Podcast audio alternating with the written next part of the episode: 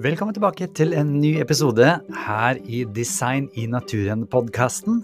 Jeg heter Chris Duve, og jeg vil bare minne deg på at du kan ta hele kurset her helt gratis med 38 forskjellige eh, informasjonsvideoer som da er lagd en podkast ut av, hvis du går inn på chrisduve.no og klikker deg inn på Design i naturen-kurset. Det finnes også et mindre kurs som heter Tre trosdyrkende fakta. Alt dette er altså gratis tilgjengelig. Men nå er det på tide med dagens episode.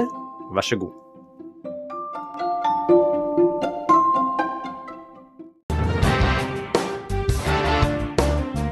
Dere, da er vi tilbake med runde to med professor dr. Steinar Thorvaldsen i Tromsø. Ja, det blir kjekt å få fortsette å dele sine tanker. Jeg tenker litt på, fortsatt tenker litt på det tidsaspektet. Altså, hvis det går på en måte ikke bare litt tid, men enorme mengder av tid. altså at det på en måte er, Det er snakk om millioner, altså ikke bare noen få år, ikke sant, men millioner, la oss si milliarder av år. Kan ikke det hjelpe til med å få bygd litt og litt til det som vi ser i biologien?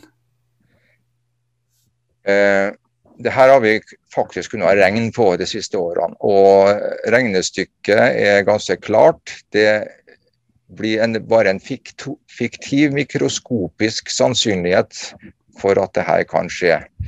Eh, vi har også jobba eksperimentelt med det. En som heter Douglas X, som jeg nevnte før. Han jobba på et velkjent eh, laboratorium i, Cambridge. Og hans problem var eh, hvor sannsynlig er det at et ett fungerende enzym kan oppstå fra scratch? Hvor sjelden er fungerende enzymer i forhold til en, en baseline-modell? Og det ble uhyre liten sannsynlighet. altså Det er én av et tall på over 70 desimaler, eller siffer. Og det, er da, det slår ut de fleste eh, som jobber praktisk. Det her er bare filosofi. Og en eh, annen veldig berømt vitenskapsmann, Fred Hoyle, ja. som var ledende innenfor eh, astronomi og eh, naturvitenskap på den måten eh, for en del år siden, han eh, sammenligna sannsynligheten for at eh, liv skulle oppstå på jorda med det å løse Rubriks terning. Det er jo veldig mange kombinasjoner når du driver og jobber med den terningen. Og hans eh, eh, resultat da, ble illustrert med det han uttalte, at eh, sannsynligheten for at livet skulle være oppstått på jorda, er ikke større enn at et solsystem full av blinde mennesker løser Rubriks terning samtidig. Og Hoyle han eh, han foreslo at en superhøy intelligens var et langt bedre forslag enn den rent darwinistiske teori for hvordan liv har oppstått. Var det ikke litt sånn med Fred Hoyle også at han begynte på en måte som materialist, altså å si at dette har blitt til på en måte av seg selv over lang tid, men pga. forskning så endret han mening? Ja, det, eh, Fred Hoyle eh, sa eh, i forbindelse med det her at, at, at, noe slikt det rysta hans ateisme i grunnvollene. Det sa han. Men da begynner vi liksom å komme litt på sporet med å si at disse komplekse systemene hvor alt må fungere sammen, har vrient for å bli til til og med over lang tid, til og med med naturlig utvalg, fordi det kanskje ikke er nok tid, og fordi det er bare rett og slett tilfeldigheter ikke få til de systemene. Um, men samtidig så, hvis man da sier at uh, sånn som Fred Hoyle, et superintelligent vesen eller um, en designer eller sånt, har gjort det, det kan høres ut som en slags unnskyldning. altså Vi veit ikke hvordan disse kompliserte greiene er blitt til. Derfor må liksom Gud ha gjort det, eller noen andre. Det høres ikke ut som veldig god forskning. Altså Hvis man bygger vitenskap på ting man ikke vet, da driver man med filosofi og den type betraktning. Men det her, det er helt klart det bygger på ting vi vet, og ikke på ting vi ikke vet. Så um, Slik sett så er det, er det vitenskap i, i, praktisk funksjon. Uh, jeg kan gå tilbake til trekkfugler og, slikt. Her er det den som har verdensrekorden i distanse Eh, Rødnebbterna, veldig kjent fugl i store områder av Norge. Eh, og Den eh, hekker bl.a. i arktiske områder på nord. Eh, og her ser du fluktruta. Den går altså Vi har ikke noe logg på den, men den, vi vet at den overnatter, eller overvintrer, må vi si, eh, nær Sørpolen. Så vel i eh, Antarktis. Og det er altså en avstand på 70 000 km tur-retur.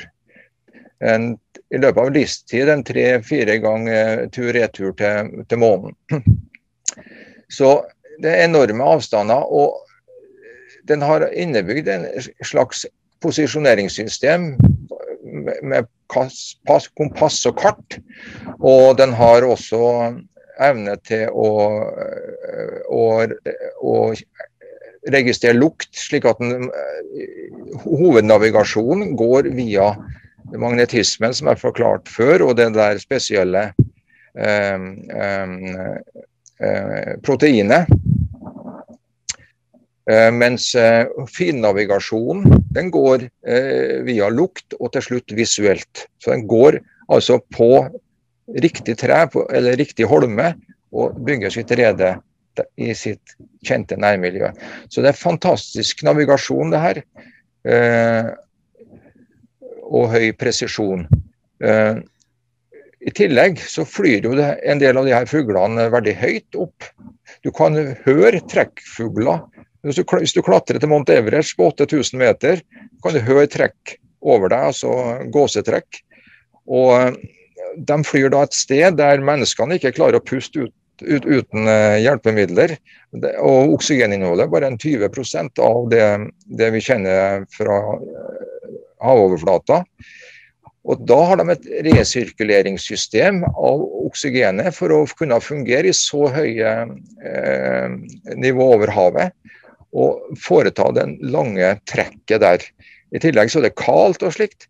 Så det er mange systemer som fungerer i takt og i samspill i denne eh, verdenen.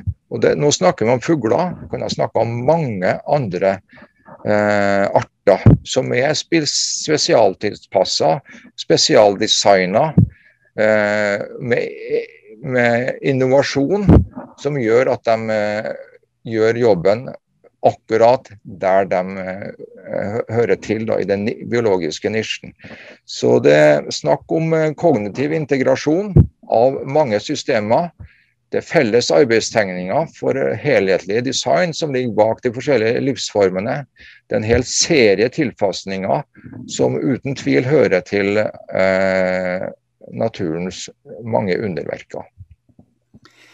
Når det på en måte er disse forskjellige systemene, for jeg skjønner at fugler da, som du sier, har et slags firetakts-lungesystem, ikke sant, for å bruke lufta bedre, og de andre har to, så skjønner jeg at å gå fra to til fire på måfå er vrient, for du må jo overleve best i mellomtiden. Så, eh, så, så, jeg er med på den. Eh, men disse eksemplene er jo ikke i skolebøkene, alt jeg på si. Der er det jo på en måte mikrorevolusjon eh, som pluss tid blir makrorevolusjon, uten kanskje å kunne nevne så veldig mye om hva den makrorevolusjonen egentlig gjør. Hvorfor henger skolebøkene etter? Ja, altså skole, Det er ikke noe uvanlig at skolebøker ligger noen tiår etter forskningsresultater. Og, eh, men den nye fagplanen som heter Fagfornyelsen, og den eh, har understreka undring i forhold til naturen. Den har også understreka eh, kritisk tenkning. Og Så vi øyner nå at biologien blir mer fristilt i forhold til darwinismen.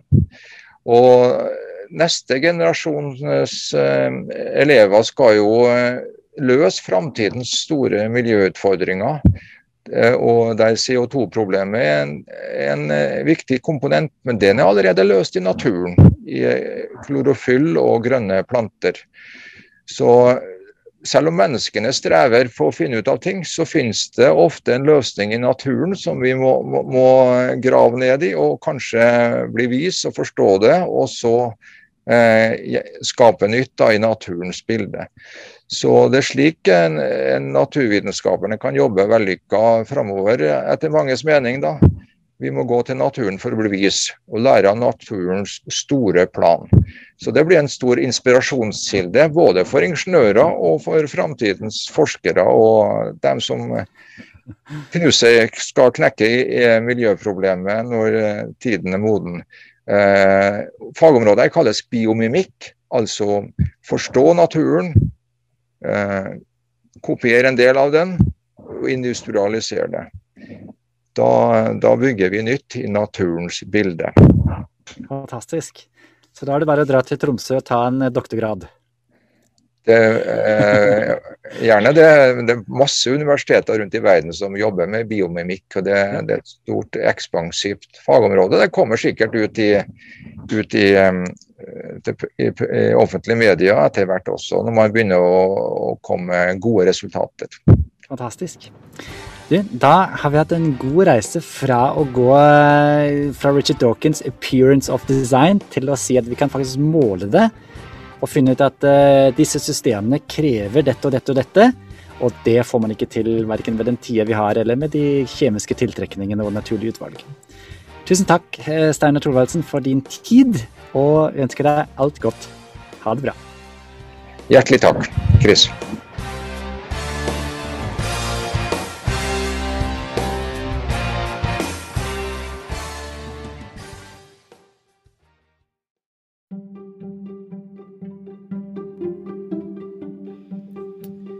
Igjen, dersom du ønsker å få tilgang til de hjelpearkene eller oppgavearkene, så er det jo fullt mulig for deg å signe opp til kurset. Da går det an å laste det ned. Hvis du går inn på chrisduve.no, så ser du all informasjonen der.